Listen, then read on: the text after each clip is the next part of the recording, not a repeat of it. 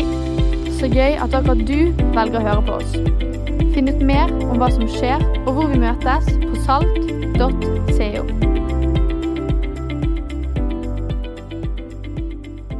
Vi er kommet til siste søndag i vår eh, serie Forvent fornyelse. Vi eh, har hatt denne serien de siste fem-seks ukene fordi at eh, vi hører det går så mange rykter om vekkelse, fornyelse andre steder i verden og her i landet, og vi tenker det tror vi på. Kirkehistorien er full av nettopp dette med fornyelse. Og så er det frafall, og så er det stillstand og platåing, og så er det vekst igjen. Og det at det går litt sånn opp og ned, ja, det er vel kanskje noe vi kan gjenkjenne i våre egne liv. Men når vi sier fornyelse, så er ikke det alle som er klar over hva vi mener for noe. Hva mener vi med åndelig fornyelse? Et tegn på åndelig fornyelse er at vi får et grep om hva det betyr å følge Jesus. En definisjon på disippelskap jeg hørte forrige dagen, likte jeg veldig godt. Det var En som sa at eh, å være en disippel av Jesus, det er å elske og lyde Jesus med sitt eh, hode, sitt hjerte og sine hender. En sånn holistisk eh, deltakelse i Jesu misjon i verden basert på kjærlighet til Gud og mennesker. Men det er ikke alltid lett å se det. Det er mange livshendelser i familien vår i akkurat nå i juni måned, så vi har mimret litt i forhold til når barna var små. En ferietur vi hadde, så skulle vi til Italia, og vi skulle kjøre over fjellet. Så kom vi til Ål i Hallingdal og måtte sove over der på Thon hotell på Ål. Og Vi hadde snakket mye den våren om at vi skal til Italia med fly i sommer. og Ut av bilen velter disse tre barna våre, og han mellomste han spør oss når han ser Thon hotell der oppe på Ål er det dette som er Italia med fly. Hans forestilling av hva Italia med fly var for noe, det var enda ikke etablert. Så Han visste ikke hva det var for noe. Han trodde det første han så, er det dette som er Italia med fly. En eh, trebygning på Ål i Hallingdal ble der forvekslet med Peterskirken i Roma. Jesus han vet det, at han har en eh, gjeng som han kaller til å følge etter seg. Og På siste reise inn mot eh, Jerusalem så taler han til sine etterfølgere om eh, de, det som skulle skje med han. Han sier i Markus 8, 31 Jesus begynte å lære dem menneskesønnen må lide mye og bli forkastet av de eldste, øversteprestene og de skriftlærde. Han skal bli slått i hjel, og tre dager etter skal han stå opp igjen. I Markus kapittel 8 går eh, Peter i gang med å irettesette Jesus for framtidsbildet som han gir. Rett etterpå så forsøker Jesus å forklare en gang til, men de skjønte ikke hva han sa, står det, og de våget ikke å spørre han med. Og i kapittelet etterpå ja, så står det rett ut de forsto ikke hva han sa. Evangelisten Markus han eh, bruker eh, blindhet for å forklare når vi ikke forstår. Åndelig blindhet. Det at vi mangler evnen til å skjønne hva det er som skjer foran oss. Vi ser ikke klart. Og når vi ikke ser klart, ja, så ser vi heller ikke poenget med den lange reisen som vi er på. Da vi skulle dra hjem fra studieturen i tiden vår i USA for nå snart 20 år siden, så skulle vi selge en bil. og Det var en lege og hans eh, kone som kom og prøvekjørte bilen. De satt foran, jeg satt bak, og det hamret juniregn på Volvo-taket når de sa 'vi tar bilen'. Snudde seg rundt og ga meg en konvolutt med penger. Aldri sett så mange centimeter med 100 dollar-sedler tidligere. Og han sier du må telle det.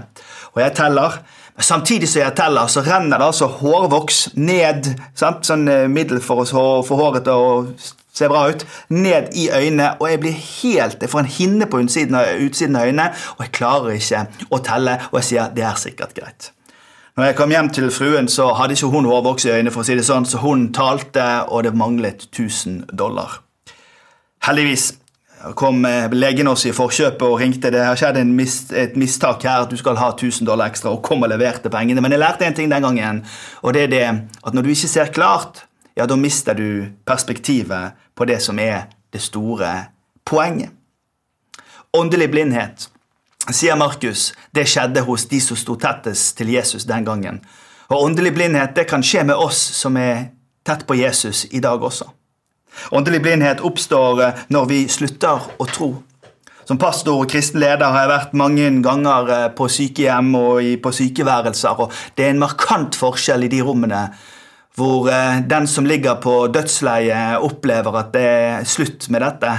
Og der hvor det fins et håp og en tro for at det fins en evighet hvor man kan få lov til å leve med Herren. Vet du, Åndelig blindhet oppstår når vi slutter å tro. Vi blir åndelig blinde når vi blir sinte.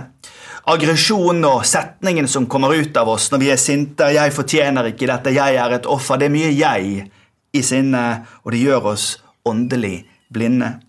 Vi blir åndelig blinde i møte med smerte. Når det gjør vondt i kroppen eller i psyken vår, ja, så er det der smerten sitter, og vi låser oss til å fokusere på det åndelig blindhet forårsaket av smerte. Vi blir eh, åndelig blinde som et resultat av synd. Synd betyr å bomme på målet. Jesus lærer oss å be, led oss ikke inn i fristelse, men frels oss ifra det vonde. Han eh, sier at vi skal eh, treffe et ideal, og han sier til oss at fristelse er dårlig føring for livet. Vi blir åndelig blinde. Vi blir åndelig blinde pga. Eh, traumer som vi opplever. Det som setter seg i tankene og i kroppen i tid og hendelse og skaper en kontroll over våre liv. Vi blir åndelig blinde når vi frykter. Når vi frykter, ja, så er det enten angrep eller flukt. Det er sjelden vi er mer som dyr enn når vi frykter. Vi blir åndelig blinde når vi blir selvopptatte og nærsynte, når vi tror at livet handler bare om her og nå og mitt og vårt. Vi blir åndelig blinde i sorgen. Maria har øynene fulle av tårer når hun møter Jesus i hagen på oppstandelsesmorgenen. Hun kjenner ham ikke igjen. Åndelig blindhet, dere, det er et problem. Et problem som angår oss alle. I åndelig blindhet så fastner vi, vi stanser opp, og veien for livet vårt fungerer ikke. Og Markus lærer oss at åndelig blindhet er historien om våre liv. Men Jesus han kalte oss til å følge.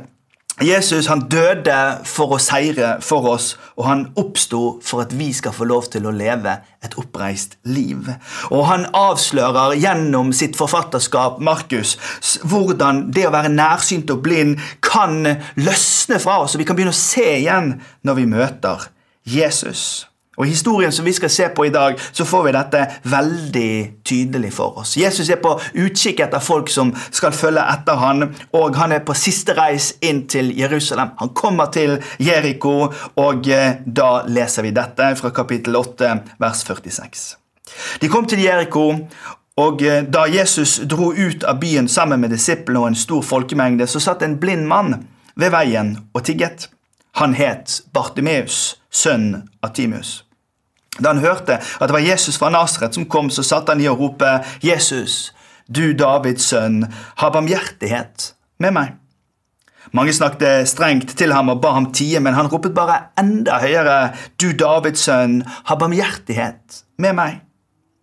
Da stanset Jesus og sa, Be ham komme hit. De ropte på den blinde og sa til ham, Vær ved godt mot, reis deg, han har kalla på deg. Og mannen kastet kappen av seg, sprang opp og kom til Jesus. Hva vil du at jeg skal gjøre for deg? sa Jesus. Den blinde svarte, Rabuni, la meg få synet igjen. Og da sa Jesus til ham, Gå du, din tro har frelst deg. Straks så kunne han se, og han fulgte Jesus på veien. Her møter vi en mann som sitter helt fast fordi han er blind. Men når han møter Jesus, så får han se klart igjen, og livet hans fortsetter. Jeg har lyst til å forkynne for deg i dag at vi alle sammen er blinde. Men når vi kommer til Jesus, og Jesus kommer til oss, så kan vi løsne ifra det stedet hvor vi sitter fast ifra vår åndelige blindhet, og så kan han få oss på sporet igjen til å følge etter han. Jeg håper, tror og ber om at det skal være din opplevelse i dag. Jesus er altså hele tiden på utkikk etter folk som vil følge. Folk som eh, ønsker å si ja, vi ønsker å gå etter deg. To kapitler eh, I dette kapittelet unnskyld, som vi leser fra her i dag, så møter han to personer rett etter hverandre. Bartimeus han er den potensielle etterfølgeren med minst potensial. Rett før så traff han eh, en person som var langt mer ressurssterk, og da gikk historien slik. Da Jesus skulle dra videre, så kom en mann løpende. Han falt på kne for ham og spurte, gode mester, hva kan jeg gjøre for å arve evig liv? Men Jesus sa til ham, hvorfor kaller du meg god? Ingen er god uten Gud. Du kjenner budene. Du skal ikke slå i hjel. Du skal ikke bryte ekteskapet. Du skal ikke stjele. Du skal ikke vitne falskt. Du skal ikke bedra noen. Du skal hedre din far og din mor. Han svarte mest av alt dette har jeg gjort siden jeg var ung. Jesus så på ham og fikk ham kjær, og så sa han, men én ting mangler du.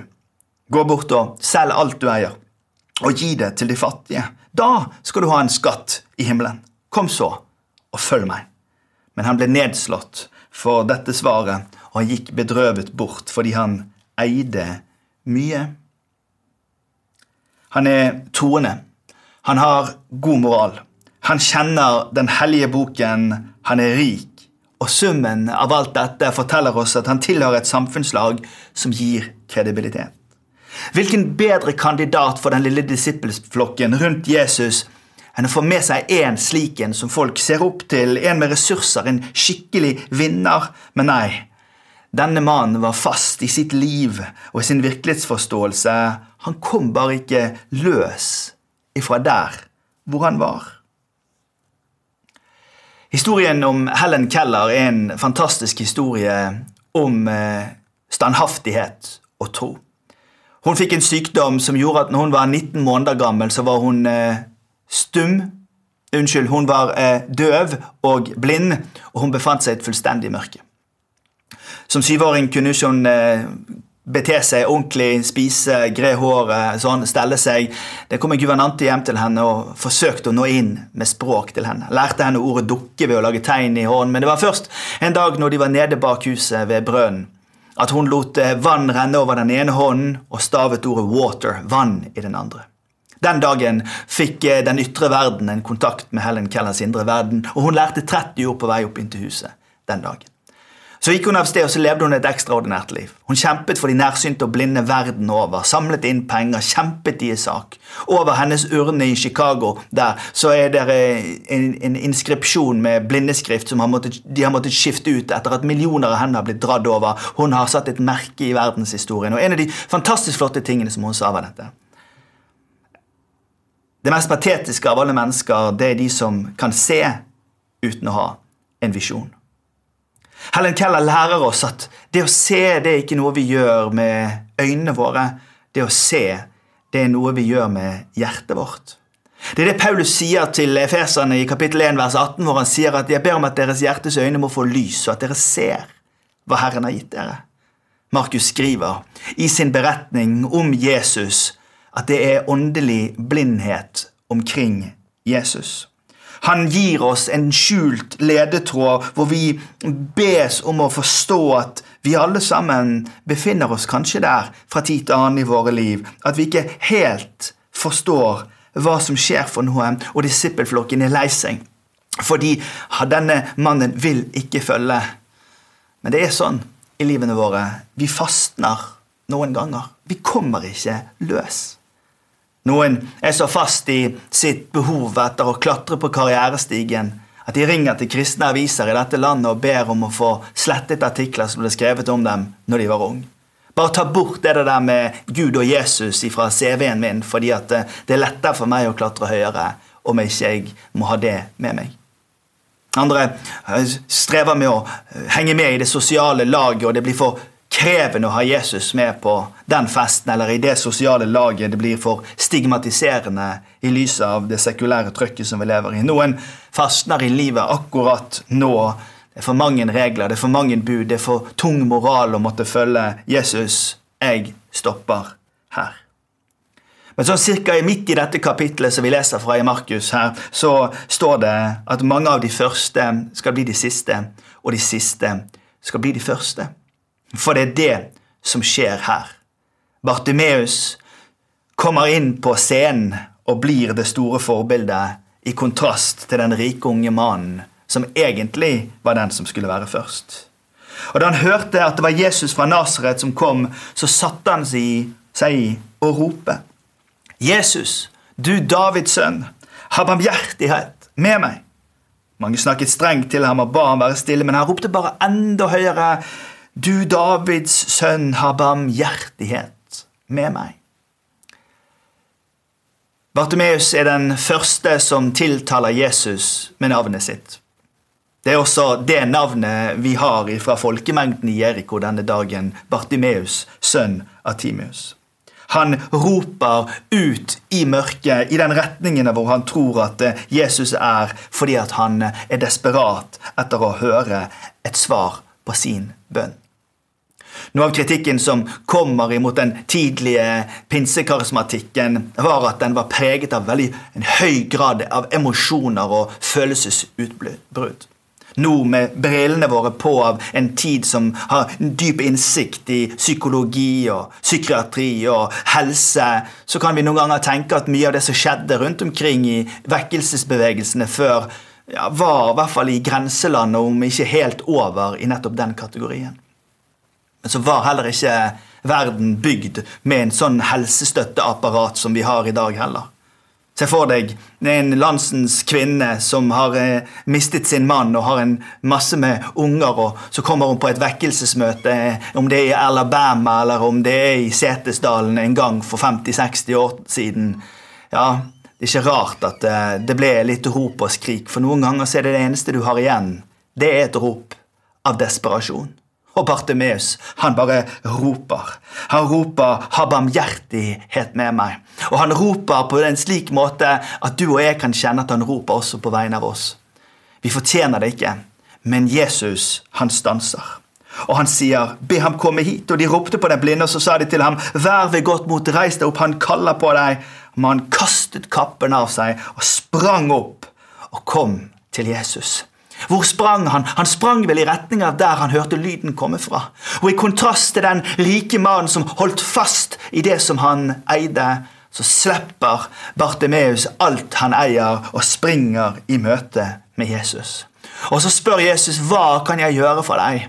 Og Hvorfor spør han om det når han har en blind mann foran seg? Hvorfor sa han ikke bare 'se igjen'? Det er jo det som er det opplagte ønsket. Men ofte så spør Jesus på denne måten fordi han ønsker å framstå for den syke, for den fortvilede, for den som er blind, for den som er fastnet, som en som svarer på alle våre bønner, uansett hva det måtte være for noe. Og den blinde svarer, 'Rabuni, gi meg synet igjen.' Da sa Jesus til ham, 'Gå du, din tro har frelst deg.' Straks så kunne han se, og han fulgte Jesus på veien. Nartemeus får det han ber om, og han kan se igjen, og han går på veien med Jesus. To kapitler tidligere møter Jesus en annen blind mann, og den gangen er det mer dramatikk rundt helbredelsesscenen. Jesus spytter i øynene hans, gnir det inn, og så spør han ser du, og så sier han jeg ser som trær som vandrer omkring. Og så ba Jesus en gang til for han, og da så han. Min erfaring, både personlig og i det jeg leser og observerer, det er at noen ganger så er det ikke alltid et gjennombrudd der. Det er ikke alltid vi kommer gjennom til vi ser helt klart. Det er ikke alltid vi kommer helt igjennom til at vi lever helt oppreist. Men det er det som er meldingen fra Markus til oss i livene våre. At vi skal få lov til å være underveis. At vi skal få lov til å leve i erkjennelsen av at vi er underveis, og at Han kommer oss i møte og gir oss synet tilbake. Er det en ting vi kan lære av Bartumeus, kjære venner, så er det dette bekjenn Jesus. Bli kjent med han for den han er. Bartumeus var den første som sa navnet. Jeg utfordrer deg, si navnet Jesus. Snakk høyt om din tro til ham. Om du snakker høyt om din tro i ditt bønneliv eller til en venn, ja, så er det som om din egen forkyndelse av tro blir til tro i ditt indre, for troen kommer av forkynnelsen.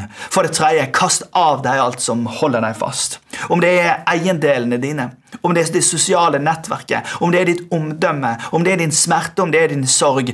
Kast deg av deg som Bartimeus gjorde. Reis deg opp og gå Jesus i møte, og la han få lov til å være din trygghet. Og vær tydelig når du kommer til Jesus, og når du ber han om noe. For han sier til deg, 'Hva kan jeg gjøre for deg? Sett ord på det. Vær tydelig med det, og lev et oppreist liv i etterfølgelsen av Jesus. Gud velsigne deg, og forvent fornyelse. Takk for at du hørte på. Håper vi snakkes enten her eller i kirken neste søndag. Ha en nydelig uke.